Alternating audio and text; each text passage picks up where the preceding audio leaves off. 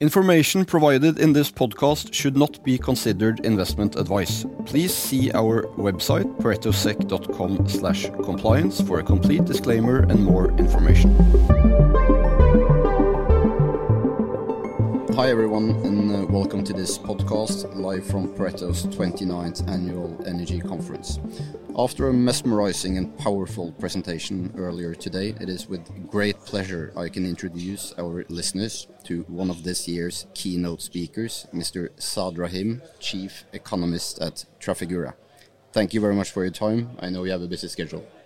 Alongside Mr. Uh, Rahim, we have also been so lucky to get a visit from one of the most knowledgeable and energetic people I know, Pareto's oil and gas oracle, Nadia Martin Wiggen.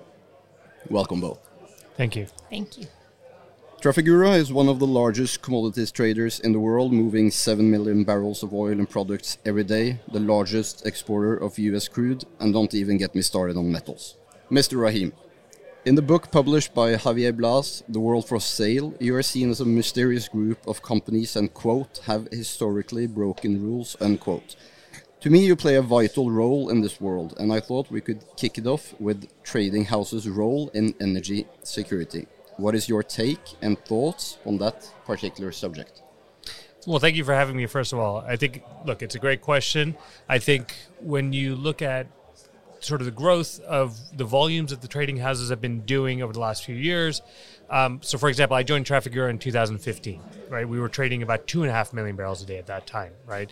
So we've gone from there to where we are today, seven, seven and a half million barrels a day.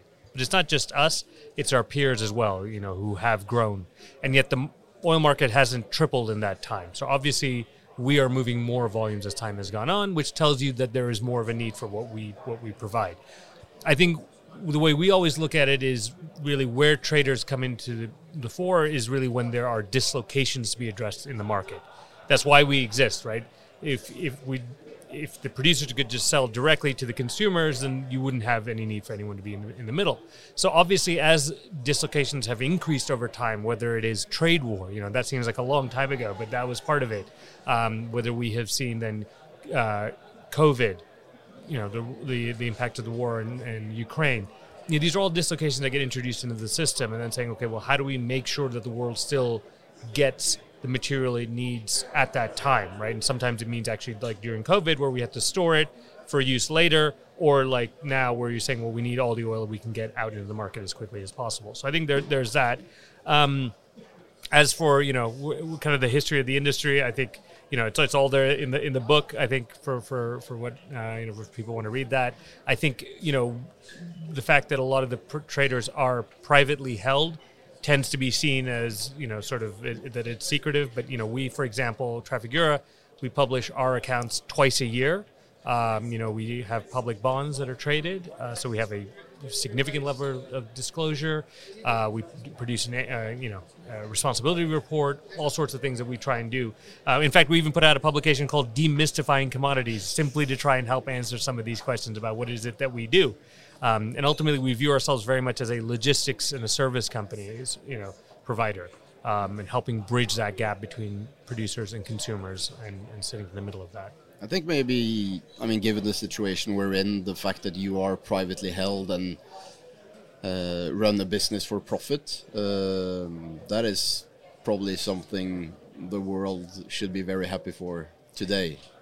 I mean, look, I think it is, you know, we are still very much subject to all of the sanctions and regulations that exist, right? And and ourselves and our peers, and we've acted upon those very quickly um, as required to do so, um, and we continue to do so. And you know, and I think there has been a sea change in the industry. Uh, you know, really over the last decade, that has said, you know, moving away from some of the things that may have been described in the book, but to an area where now we're saying, look, again, our, our footprint, our involvement in the global economy is such now that this is this is the new reality of, of, of how all of this will work. Um, and yet, you know, the, again, as we said, the world does still need to move move oil around. With what's happening with Russia, you know, I keep saying, is this going to end up being? And it's a phrase I'll probably use again over this podcast, but are we seeing a redistribution or a reduction of volumes? Right and given that again the sort of the um, the regulations on this are still evolving, still developing, you know, oil is still being moved around the world, but okay, fine. If less Russian volume is moving into Europe or into other jurisdictions, that means other oil then needs to be moved into those areas. And who's going to do that, right? And that's again where I think trading companies really come in. And that's what we're seeing in uh, freight rates around the world just uh, just right now. Um, Nadia, thank you for joining us. Well, you used to work for uh, Phibro under the legend known as God in oil trading, Mr. Andy Hall. Anything to add to what uh, Saad just uh, told us? Of course, I, I joined uh, Phibro in 2010, so also a bit after the period described uh, in the book. I feel um, young now.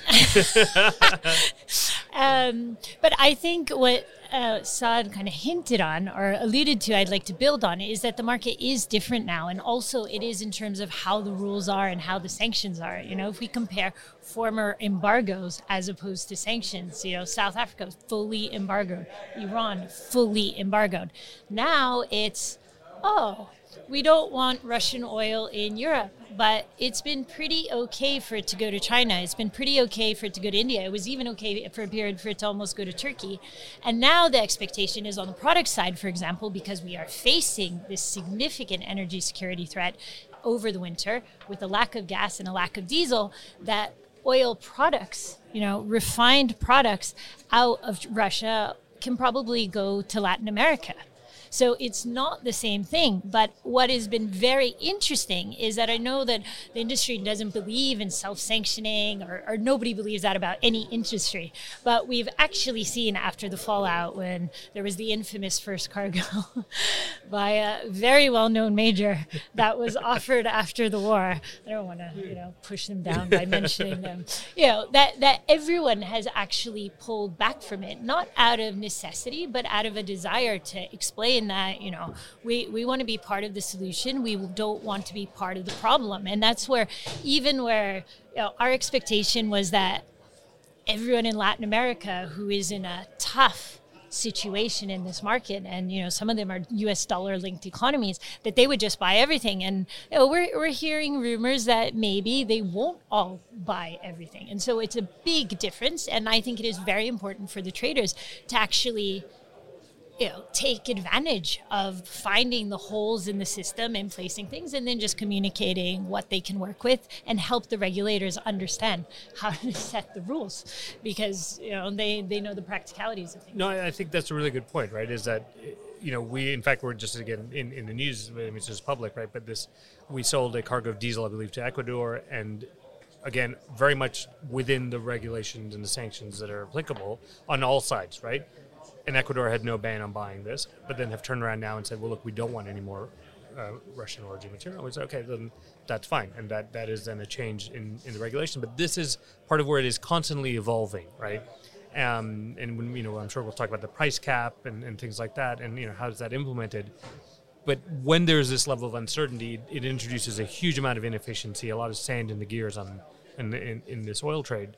Um, and you know, point I raised in the presentation for those who saw it, you know, is that the oil market is this finely calibrated system that has evolved to this level over decades. Right? Exactly, and that that is in terms of inefficiencies. That's obviously what we see in terms of volumes moving by sea and products going to Europe, which is a short distance from Russia, now need to take a longer term to South America or or other places. But I want to um, I want to um, hop a bit uh, forward and, and say that kind of commodities historically have all been cyclical businesses. Uh, Nadia, we know that you believe that we are in the start of a serious upcycle in oil. And uh, Saad, in your presentation this morning, you described the current market as spiker. I think it's time we debate. well, I mean, I'll, I'll, let Nadia speak, but I think in the sense of, for me, I don't think these things are mutually exclusive. I think you can have a series of spikes that actually, when you put them together, effectively are a cycle, right? Um, or at least an upcycle. Uh, and if you are in a position where you're ultimately, the spikes I was referring to is that because of the underinvestment, you get to a point where prices spike to a level that then causes demand destruction, and then you come off. But because you haven't had enough time to catch up on investment, your your lows, each subsequent low is actually higher right? So, and again, if you put all those series together, you still maybe end up in a cycle. But Nadia. Yeah, I, I mean, I, I think that's a very good point, and it's showing the marked contrast of the effect of shale. But I would just like to bring it back to how we've seen it in previous cycles, right? There were demand led cycles that led to huge booms, and then the oversupply, and then you had the bust, right? And then, you know, after the great financial crisis, we finally had really four years of huge stability in oil prices above $100 a barrel from 2010 to 2014. At the time, I was at Phibro. At the time, Saad, you were at BG. Mm-hmm. And, you know, we had heard about shale already in 2007. And by 2010, 2011, we kept hearing about, oh, this shale stuff is going to displace West African crude into Europe right? And we kept waiting. And I remember sitting there arguing with the traders who were already, you know, they, they wouldn't agree, for example, to buy West African crude six weeks in advance. They wanted to wait till two weeks ahead because U.S. crude might be coming, and it wasn't actually coming. And this all, and you know, and then we ended up with these shortages. I mean, you remember this, right? And so this kept, you know, on on the actual trading side, what we kept happening is you kept seeing this wave of supply coming from overinvestment, but we were so ahead of the curve. And then, of course, it finally happened. And it changed things a lot because shale is much more short cycle. You know, you normally start to see production with three to six months after the price hint, definitely by 18 months. And, you know, the whole cycle could be done in 18 months or 24 months. Um, and that is kind of the complacency we got used to. And that's where, you know, people like Andy Hall stopped being traders because yes. they just said, well, this isn't very fun. Yeah. You know, how much can the oil price ride up in a few months? Right. You know, if you believe in the cyclicality. And then you know, I don't want to, I, I loved your points in your presentation. So I want you to describe yourself um, on, on what is the big change on the U.S. shale side in terms of the supply. No, look, I think that's a great topic, right? And for, just to go back though, I remember being yelled at by Martin Houston of BG because he told me shale would never get to three million barrels a day, and here we are, right? So it tells you how quickly things can change, right? Um, and I think where you know we have been used to really since 2014, putting all of the eggs in the U.S. shale basket, if you will, right?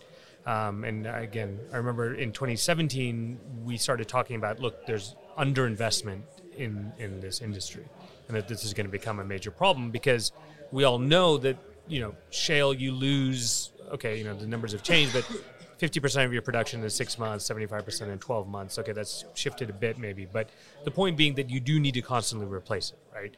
Um, it's not that nice long plateau that we have seen, and so the more shale grows, the more you you have to replace it. But what we have seen over the last few years, right, is that when prices collapsed during COVID is that people did two things. One is that they not just high graded, they probably super graded, right? That they went and drilled out the best of the best of the sweet spots, right? Um, and you know, if you're the uh, even if you're a major, but really if you're a small producer, the proverbial man and his dog in West Texas, you're going to drill what you've got, right? Yeah. And you're going to drill the best of that. And then the other thing that they did was that they, you know, I'm sorry, product, productivity per rig went from 800 to 1600, so double and now it's coming off because you you can, don't have the best stuff anymore. And then the last point is you had this massive inventory of DUCs, right, drilled but uncompleted wells that you were then able to draw down without increasing rig count. Now that is gone as well, right? So we have not seen that reaction function from shale that people were expecting, which was you know, if you had said to people at the beginning of the year, "Hey guys, oil prices will be 120 at some point this year," everyone said, "Well, I'll give you a million barrels a day of U.S. production." We're going to be lucky to hit 600, 650 this year. That's what I loved in your presentation. I, it feels like, obviously, when you're in the commodities business, you need to look at history. And maybe we'll look at history a bit too much, and it has become a sleeping pillow for because everybody's waiting for that U.S. production. And as you showed in your presentation, rig count is up, Brent is at 100 120, and production is basically flattish. And I think that that's also why people have been a bit depressed about this market. Why take the risks if you don't get the upside? So when we talk about the cycles and the spikiness, well, you suddenly had a hard ceiling. Yeah. And we saw with COVID, you didn't really have a floor. Right. I mean, now OPEC is back together, so I believe we do absolutely have a solid floor. They have learned this time um, for now, but you never know how long that's going to last. But right now, at this point in the cycle, I think they are absolutely intact and they you know, don't have spare capacity, so they'd happily cut. Well, if if but- Biden is going to buy back his SPRs at 80, we have a good put option there as well. Yes, absolutely. Exactly. Though I don't think they're going to be buying that No. anytime soon. No.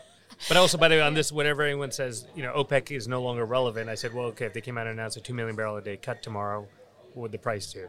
exactly. I mean, even a comment or he was quoted as we have discussed on Bloomberg, right? And and it was a misquote that it wasn't actually a quote, and that even moved the market. Right. Yeah, Right. four dollars. Yeah. And and and this is where you know when we think about cycles. So we had this ceiling, but now because of the underinvestment, you know your spikes are to the upside. Yes. And you know the new ceiling is demand destruction, and then you know however long that takes, it's not necessarily that far. Because we have so much liquidity in the system that you can, of course, talk about more, more Saad, and and you know what I mean. That then it just makes that round much of a higher. I, I'd like to think of it. Then maybe we could agree that instead of it just being an upcycle, Yeah. it is a a, a, a spiraling higher upcycle. You know what I mean? That's And- exactly what I think, right? And to me, I you know, I am an economist. So I come back to well, what is the signal? The signal is going to be price, right? And the signal for more investment is price, but at a sustained level.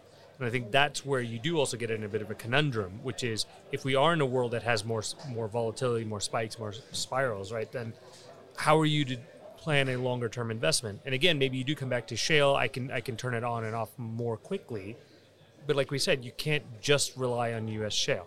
You have to have some sources of growth elsewhere, and that's the struggle. Where if you're saying I can't, a if I look at this forward curve, it's it's so backwardated that you know it doesn't incentivize me to invest in, in the years out. But b that curve may change very rapidly. How do I how do I then bank against that, right? Let alone trying to get actual you know authorization for a new deep water offshore project anywhere that isn't Yeah, which is you need a 20 year time horizon, right? It. Or an investment horizon. That's probably what people fail to understand that you can't kind of see oil at 100 or 120 today and make an investment decision which will start up in 27 and need to run for 20 years plus to be economically viable. That's it. And especially given that the curve back there, if there is one, I think it's going to be more like 70, 75, right? Given how backwardated you are. So you're saying, okay, well, I'm, I'm not, I, c- you know, I can't make it work at that. Um, by the way, you know, we haven't really talked about it because it hasn't been a factor in oil investment for so long.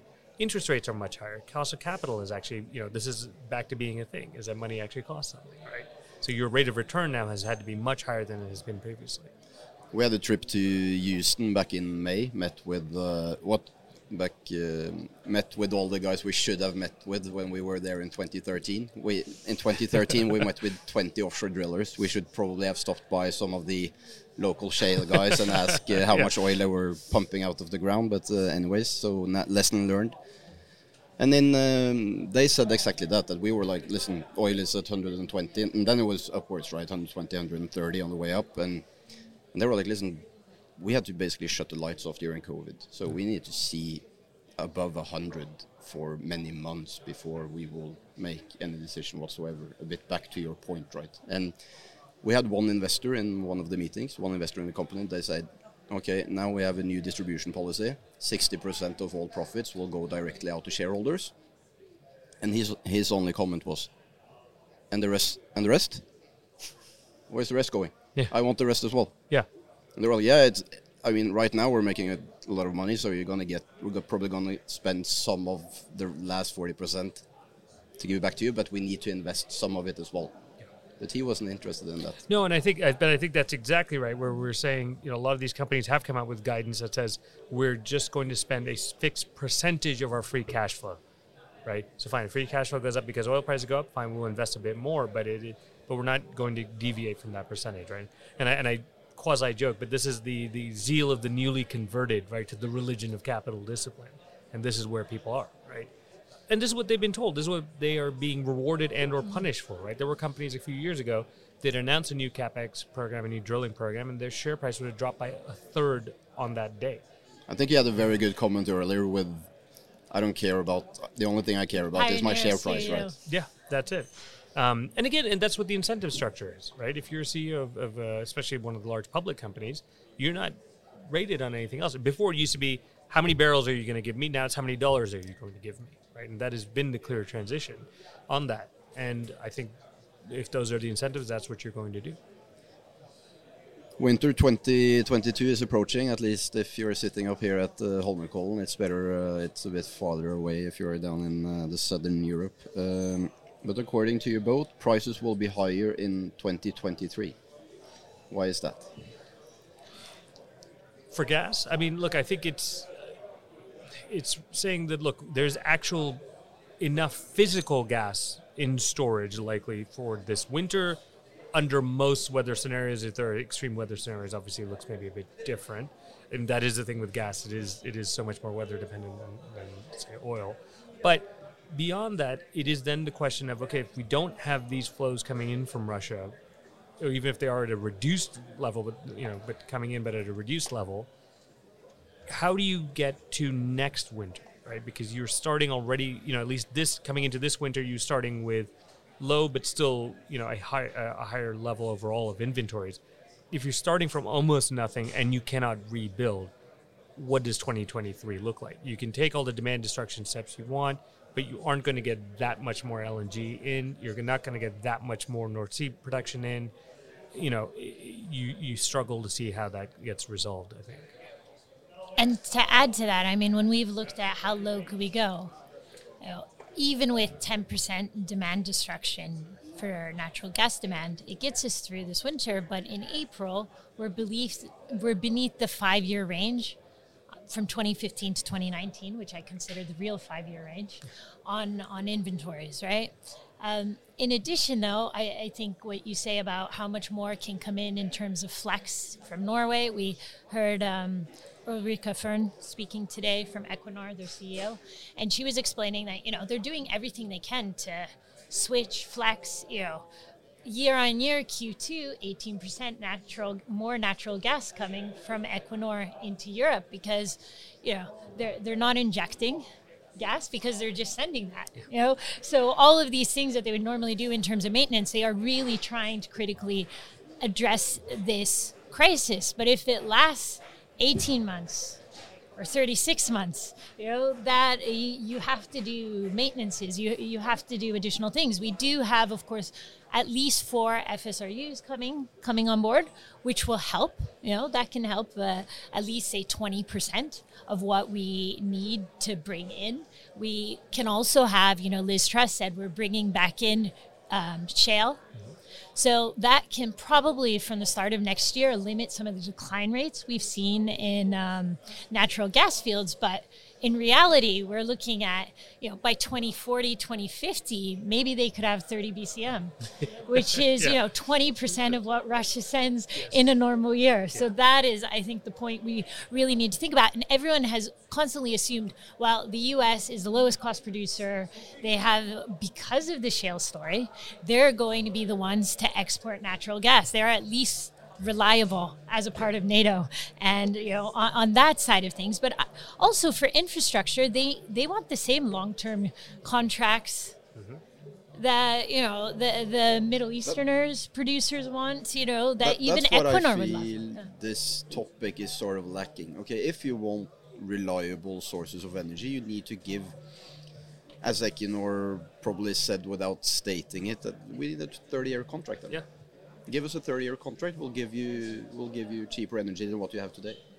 That's the thing, and I think especially with gas, sorry, it, you know, the upfront investment. This has always been the thing, especially with LNG, right? And and saying, okay, are you guys going to backstop this? I mean, you notice very few European companies really invested in U.S. liquefaction plants because they said, okay, we don't we don't really need that. Um, and and now they're, I think, in you know at that time, maybe it wouldn't have been the best economic decision, but from a strategic security of supply, you really find yourself saying, well, maybe we wish we had done some of that, right? And and, and brought on more capacity globally, right? But you were saying. And this is when we think about the medium term, right? Even in a net zero world, we think that the peak in global gas demand will be in 2036. If you look at Norway's oil and gas production profile, you know, we've peaked well before that if we do not include, you know, resources that include undiscovered resources.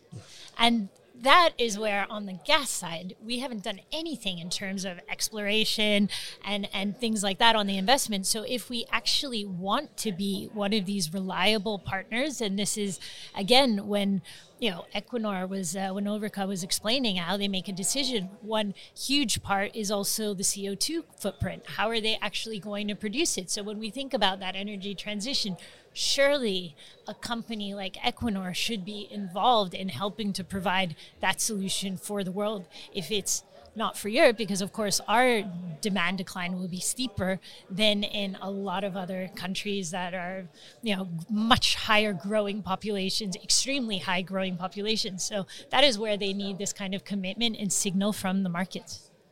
And it seems to me that the discuss- discussion and statements they are probably a bit short-sighted. I mean, it it seems like we're all in this tech bubble where we think that okay, an iPhone cycle is 15 months. If I want more iPhones, I can just start producing now, and I'll have more iPhones in 15 months. But these are these are longer longer terms, which needs decisions today, and you will have you will not have the gas and oil tomorrow.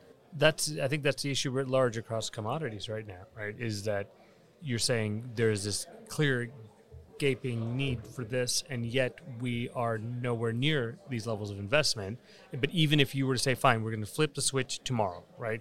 We need the oil, we need the gas, we need the copper, we need everything. Fine, let's go out and invest in it. You're not getting most of it this decade right? So when we talk about that, by the end of 20, by 2030, we're not getting these these supplies. And that brings me into uh, my final question because I said in my intro that don't get me started on metals, so I will finish off with it instead. this is obviously an energy conference after all, and metals play an, to me, under-communicated but crucial role in the transition to renewable energy. And some numbers for, from your presentation, Saad. EVs consume three times as much copper and two times as much aluminium as a combustion engine vehicle. Wind consume nine times as much copper as thermal. Still, copper balances are not where they should be. Capex is absent. Why is that? And what are one of the biggest movers of metals globally? Perspectives on that regard. Look, I think as much as we point out the situation on the oil side, it's as bad, if not worse, potentially on the metal side and my you know my shorthand for this is the the key to the energy transition is made of copper right? You are not having an energy transition without copper. And yet when you run any sort of scenarios against this right you're going we are underinvested today. And even as oil has gotten relatively shorter cycle with the advent of shale but even some of the offshore you're still now copper has gone the other way right? It is now taking closer to 10 years to bring on a new mine and that new mine will be a third, if not more, smaller than the average mine that you used to bring on. So you need more mines, higher execution risk, you need more financing investment, all of that. Your incentive price for these new mines has gone up, and yet we're still not investing. And again, you have the same dynamic where the mining companies are turning around and saying, no, our investors are telling us they want dividends and they want buybacks. So we're going to do more of that and less of capex, right? Again, we are not being rewarded for increasing our capex. We're not being rewarded for increasing our production outlook. So that's what our investors are telling us, right? That this is what they want. And so it, it becomes very hard. And there, in particular with copper, it becomes where you don't really have a substitute. Find oil, and you can then say we can substitute gas, you can say we can substitute to other things. Um, but copper, the closest substitute for a lot of this is going to be aluminium which has its own problems because China's not building any more smelters and is hugely energy intensive. Um, but that's really about it. And maybe some increased recycling and scrap, but nowhere near enough to, to fill this gap, right? And also, I would say that there you do have a problem where you don't know really where the next set of reserves are, right? Okay, if the price got high enough, enough of the U.S., then you could bring on maybe, or you know, Saudi has some reserve that they say, well, okay, well maybe those will become economic. Whatever it is, you, you can possibly get that but not so much on the metal side. Those undiscovered copper resources, they are not in Europe, to put it that way. um, I'd say no, but I do think that there are places that regulation could play a role. Uh, in North America, for example, to say, look, that we can encourage more investment in this.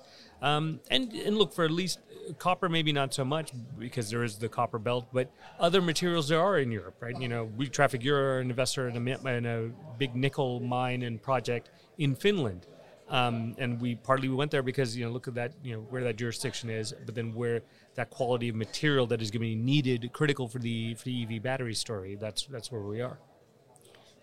And I think if we can also go back to the business cycles part of this, because now we've described a relatively shorter oil cycle relative to a longer metal cycle.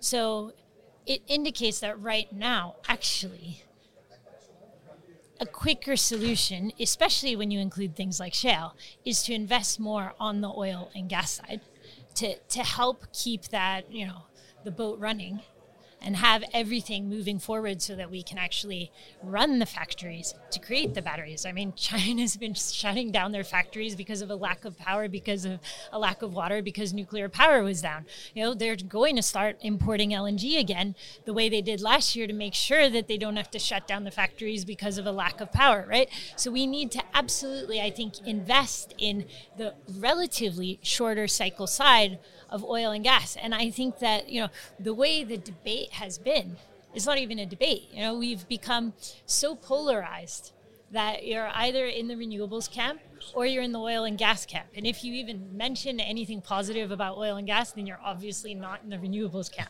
I feel. I, I think Yeah. our, our, our Well, and vice versa, conference actually has managed to address it relatively well. That we've had some of the big oil companies actually, or majors or big companies, investors talk about we have these huge ambitious renewables targets, but oil and gas need to be a part of this. And you know, Schlumberger's um, board member Maria Hanssen, who spoke in in our panel this morning, she was saying that you know there's an expectation for Schlumberger to ride out this wave on their core oil and gas business. That's what their shareholders expect them to do. Yes, they have a new energies investment side, but you know the shareholders understand that we are in this upcycle that really favors oil and gas right now. But it doesn't mean just because we do that, we don't make net zero. We can still make for sure two degrees um, if we do everything very quickly. That's the problem. Yeah. Is that everything isn't happening quickly. That's why we're not going to make it. Well, that's the thing. But I think I think if you look at Schlumberger and you looked at one of the slides that was put up, right, and not just Schlumberger, but across the service industry, right, where you got 20, 30, 40% reductions in workforce, right? If these service companies were to come out tomorrow and say, look, we think we're in an upcycle, so we're going to go out and increase our hiring, you know, and bring back those 30% people that we laid off, I don't know if shareholders are necessarily going to reward that, right? Because that's what they're saying. It's like, we'd like you to keep your core business and we will take the upside of that, but not necessarily say go out and grow that, right? I think this is where the struggle comes in. And that's probably the yes, please both, which we obviously need uh, in the world going forward, but which is a problem because you have the oil and gas investors who wants dividend and cash back, no growth, and you have the renewables investors who obviously it's only growth. Uh, but you can't have the same. You need you need all of those in the same camp. Some uh, closing remarks uh, from you, Saad. Yeah, no, look, I think I think it's been could be very easy to look at the picture that we're painting, and in some sense look at it. It's almost a very pessimistic picture, right? Because you go, oh my God, we're underinvested and we don't have enough time, and we're, we're, going to run out of these things. And you say, look, it- it is a challenge, but in challenge there is opportunity, right? Um, and not just opportunity to, to, to make a return, but an opportunity to then say, okay, how do we how do we think about this more holistically? How do we look at this as an all of the above problem, as an integrated problem? I always talk about it as a commodity transition, not an energy transition, right? Because I think you do need to think about how all these pieces fit together, right? Um, and you know, so I think there's there's room for, for bigger thinking on this, right? And I think there's room for uh, you know sort of maybe non-traditional actors, even in the form of governments, in the form of private investors, private equity, trading houses, whoever it is, to all play a part in this, right? But I think we do have to get creative about this. Um, and the question is, when does that when does that start to happen? Nadia. I think the last point is, you know, in Norway, everyone cares about your oil price outlook, and uh, we got so into the gas ex- part of next year that we actually didn't talk about oil. And, Yeah. You know that that is how critical gas is. Traffic Europe Pareto almost forgets to talk about Yeah, oil, yeah. but not quite. Um, so, for, from our aspect, our oil price forecast for next year is $120 a barrel. And, you know, on the one hand, it can be super conservative um, because there is so much demand potential coming back post COVID. Number one from China, number two from aviation, and the world just kind of getting back to normal, right? In addition, you have all these inefficiencies on the supply side, no spare capacity, which I know you're itching to jump in as soon as I say that on the jumping part. Um, you know, and, and then we've discussed the $80 floor. Yeah. But you know, for us to really transition, you know, it, I used to think that maybe $70 everyone was happy, but they clearly weren't because we haven't seen the investments. You know, it's $40 break evens is what companies are focusing on. You know, Equinor's CEO at ONS said 50 to 60 is the value sweet spot. Let's see. Let's see what they sanction and what shareholders say relatively. So as a result, from from that side, we need a higher, more stable oil price over hundred dollars. And I'm talking, you know, nominal right now. It's, um, you know, like we saw 2010 to 2014, so that we can build this cycle of too much energy, which will eventually happen. Is it 2030? Is it 2033? Is it 2037? I don't know. But that's when the inefficient producers fall away. But right now, we need to have that environment to stimulate things going forward. Your your view on the oil price next year? Um, well, we tend not to give price specific forecasts, but I, I wouldn't disagree with that. And I think the question is, what does it look like in a sense of, you know, what is the average for the year versus what can we get to at certain points, right? As in, you know, we, we talked about this and I talked about it in my presentation, which is you, know, you could see a real period of weakness end of this year, start of, start of next year. Um, and yet you could very easily then see a scenario where by next summer you've had zero covid restrictions lifted in china air travel is back us driving season is starting to pick up and the fed is on hold or whatever it is and things look very very different right and um, Do and- you have an assessment of what the demand destruction number is? Because I mean, for us, we thought it would be minimum $150 a barrel this year, Yeah. which we saw on refined products. yes But we didn't see it on the crude side. But what do you think for like a general crude demand destruction number when COVID is done and everything is i mean flying? That's the thing. I think you you still have a huge amount of money in the system, right? And one of the charts I showed in this presentation uh, was to show the change in household wealth that we have seen. And I think what I come back to is maybe not so much just on oil, but if on the economic side in general, is it not demand destruction, which is what we saw in 2008, right? Was people were over leveraged, had no savings, no safety cushion. Uh, they were underwater on their house. Their equity portfolio, their retirement portfolio had gone away. They were in fear of losing their job, right? All of that combined to say, okay, that is demand destruction. Now you're saying, okay, the labor market has never been this tight. There's been 32 trillion dollars of wealth creation just since the end of 2019, right? Um, even if you take away some of that from the equity fall this year, and probably more of that will get reduced, but it's still a huge amount of money, and it's the exact opposite, right? Households, corporations have spent 12 years deleveraging, right?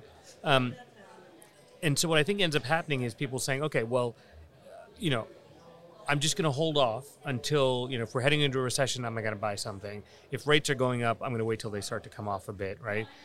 Housing is a great example. Housing, you know, you normally have about five, five and a half months of inventory. You're at 1.8. Okay, you need to rebuild that up, right? So all these things are still in the system, and I think then that's where. eh, Sorry, it's a long way of saying that I think it is demand deferral and not demand destruction. I think in, in this this time around, and you're right. Where we saw it this time wasn't where the crude price got to. It was the lack of refining capacity and, and gasoline getting to where it got to in five five plus dollars. And so that's probably the number on, on on gasoline. But on crude, yeah, I think you know if you just don't have the capacity, you end up with almost no capacity, and then something happens in Libya, something happens mm-hmm. in Iraq, for example. You know, but you still need the molecules. I don't know what the number really is. And Russia's playing games in the oil market. I mean, could they stir things up in Iraq? I mean, it's a Uh, serious question. This is it, right? I mean, there's there's no Iran deal that appears to be happening, right? So you know, I think we will test to find out what is that number, right? And and certainly, I don't think it's in the hundred to hundred and twenty dollar range. I think it's much higher than that. I think we will uh, round it off with that. And uh, once again, on behalf of Pareto, thank you very much for taking the trip to Oslo and uh, to share your knowledge here with our listeners today. Thank you for having me. And uh, thank you very much, Nadia, for joining me in the studio. Thank you both. Thank you. The information provided in this podcast should not be considered professional advice and is not intended to constitute investment advice. Investing and trading in all types of securities involve considerable risk at all times, and past performance is not necessarily a guarantee of future performance. Pareto Securities does not accept any form of liability, neither legally nor financially, for any direct or indirect loss or expenses that may arise from the use of information provided in this podcast. Please see our website paretosec.com/compliance for more information and full disclaimer.